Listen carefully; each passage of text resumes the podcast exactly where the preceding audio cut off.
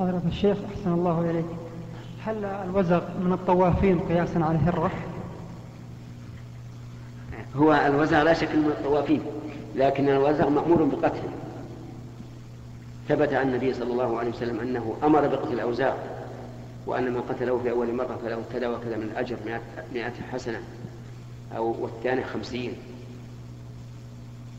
فهو مما أمر بقتله. وكيف لا نحرص على قتله وهو ينفخ النار على إبراهيم عليه الصلاة والسلام؟ كما ثبت في الحديث عن النبي عليه الصلاة والسلام. فأحثك على أنك إذا وجدت وزغا أن تقتله وأن تبادر.